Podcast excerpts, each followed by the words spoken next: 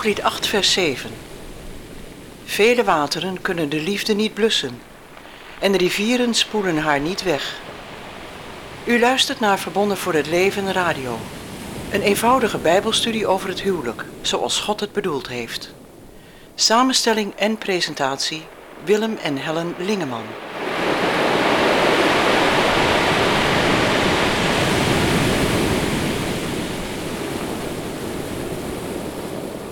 In deze aflevering willen we nadenken over zonde doen en in zonde vallen.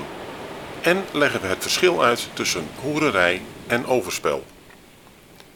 Voor deze studie is het belangrijk om te weten wat het onderscheid is tussen zonde doen en in zonde vallen. Veel christenen begrijpen niet goed wat Johannes bedoelt in zijn eerste brief, als hij schrijft in 1 Johannes 3 vers 9 Ieder die uit God geboren is, doet de zonde niet, omdat die zaad in hem blijft. En hij kan niet zondigen, omdat hij uit God geboren is. Maar, zult u misschien zeggen, we zijn en blijven toch zondaars? Dat is echter de staat waarin wij vroeger, voor onze wedergeboorte leefden. Paulus noemt het ook in zijn brief aan de Romeinen, Romeinen 5, vers 8. Maar God bevestigt zijn liefde tot ons hierin dat Christus voor ons gestorven is, toen wij nog zondaars waren, verleden tijd. En Romeinen 6, vers 12.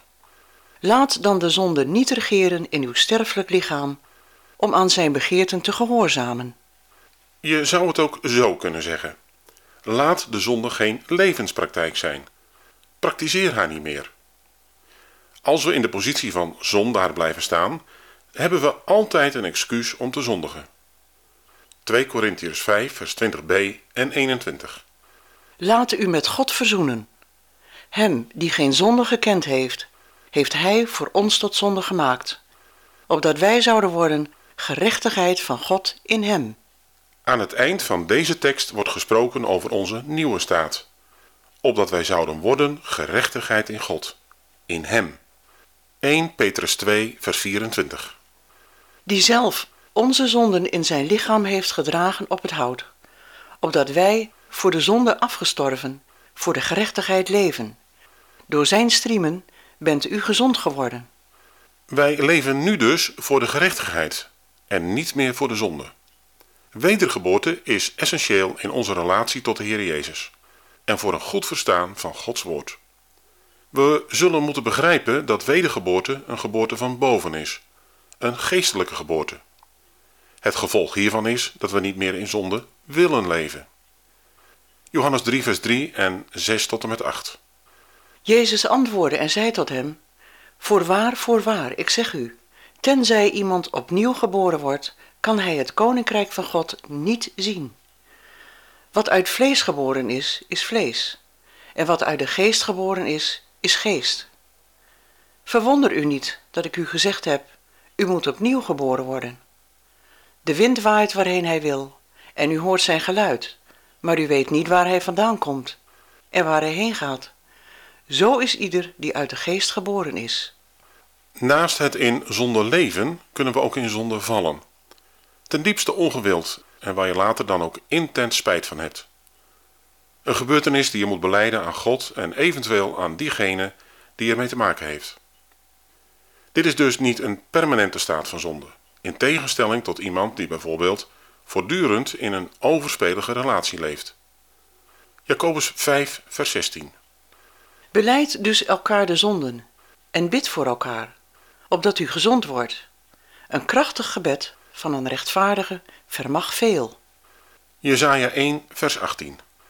Kom toch en laat ons tezamen richten, zegt de Heere. Al waren uw zonden als scharlaken, ze zullen wit worden als sneeuw. Al waren ze rood als karmozijn, ze zullen worden als witte wol. Micha 7, vers 19. Hij zal zich wederom over ons ontfermen. Hij zal onze ongerechtigheden vertreden. Ja, gij zult al onze zonden werpen in de diepten der zee. Een kind van God kan, hoe zuiver zijn bedoelingen ook zijn, van tijd tot tijd nog in zonde vallen.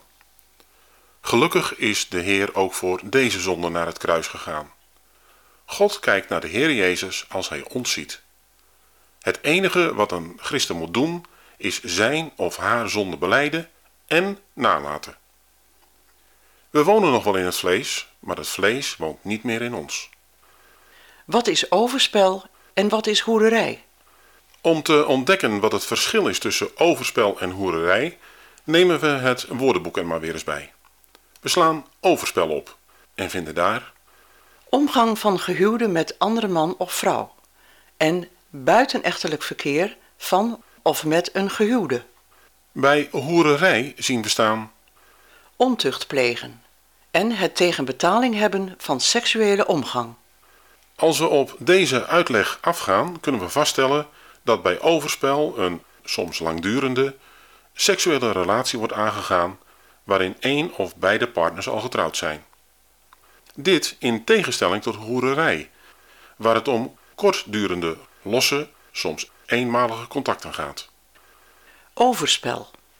In het Bijbelboek Deuteronomium geeft God strenge regels voor mannen en vrouwen hoe zij zich onderling hebben te gedragen. De Heere God nam het overspelig zijn van mannen en vrouwen zo hoog op dat ze uit het midden van het volk middels een zware straf moesten worden verwijderd. Deuteronomium 22, vers 22. Wanneer een man betrapt wordt terwijl hij gemeenschap heeft met een vrouw die gehuwd is, dan zullen zij beiden sterven. De man die met de vrouw gemeenschap gehad heeft en ook de vrouw. Zo zult gij het kwaad uit Israël wegdoen. In het Nieuwe Testament trekt de Heere Jezus de touwtjes nog wat verder aan. Matthäus 5, vers 28. Maar ik zeg u dat ieder die een vrouw aanziet om haar te begeren, al overspel met haar gepleegd heeft in zijn hart. Was in het Oude Testament de buitenechtelijke geslachtsdaad reden om als overspelige aangemerkt te worden? In het Nieuwe Testament is alleen kijken en begeren al voldoende om schuld op je te laden. Koning Salomo spreekt in het boek Spreuken wijze woorden als het gaat om overspel en de gevolgen daarvan. Spreuken 6, vers 32 en 33. Wie met een vrouw overspel pleegt, is zonder verstand. Wie dat doet, richt zijn ziel te gronde. Plaag en schande zal hij vinden. En zijn smaad zal niet uitgewist worden. Deze uitspraken zijn niet voor tweeërlei uitleg vatbaar. Overspel versus echtbreuk. We dienen in gedachten te houden dat overspel, waar de grondtekst over spreekt, in veel hedendaagse Bijbelvertalingen vervangen is door echtbreuk. Een voorbeeld. Exodus 20, vers 14. Gij zult niet echt breken. Deuteronomium 5, vers 18. En gij zult niet echt breken.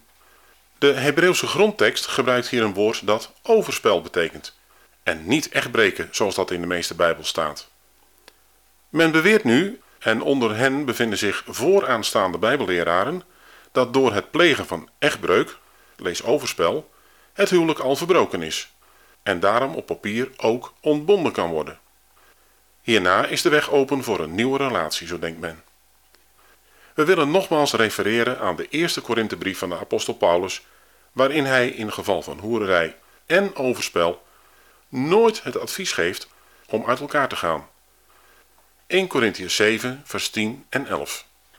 Maar aan de getrouwden beveel ik, niet ik, maar de Heer, dat de vrouw niet mag scheiden van haar man. En als zij toch gescheiden is, laat zij ongetrouwd blijven, of zich met haar man verzoenen, en dat de man zijn vrouw niet mag verstoten. Wanneer kunnen we spreken van echtbreuk naar bijbelse norm? Het antwoord is net zo eenvoudig als de vraag. Echtbreuk vindt plaats op het moment dat één van de partners sterft. Dan is de echt definitief gebroken en ontbonden. Hoererij. Overspel is een voortdurende zonde. Daarnaast kunnen er losse seksuele contacten zijn zonder dat er een relatie is. Dat is hoererij. Het gaat dus om korte seksuele contacten, al dan niet tegen betaling. Salomo waarschuwt hier ernstig tegen. Spreuken 23, vers 27. Want de hoer is een diepe kuil, de ontuchtige een nauwe put.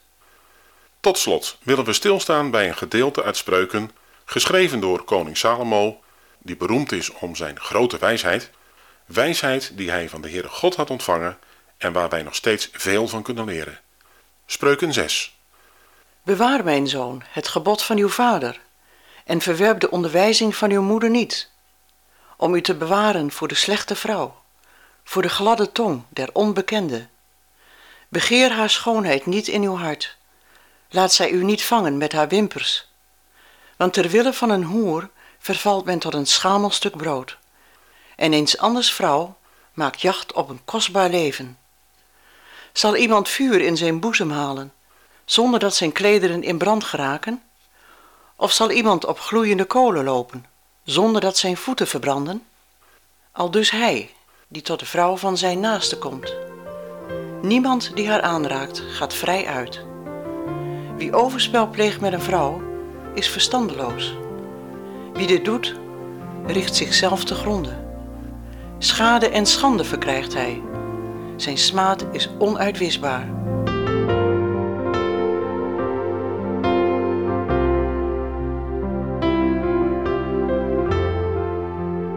Spreuken 3 vers 3 Dat liefde en trouw u niet verlaten.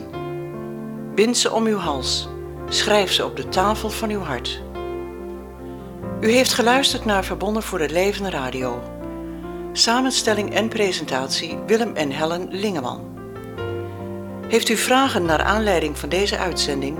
Dan kunt u contact opnemen via het reactieformulier op onze website www.verbondenvoorhetleven.nl of www.unitedforlife.eu. Zo de Heere wil graag tot de volgende keer.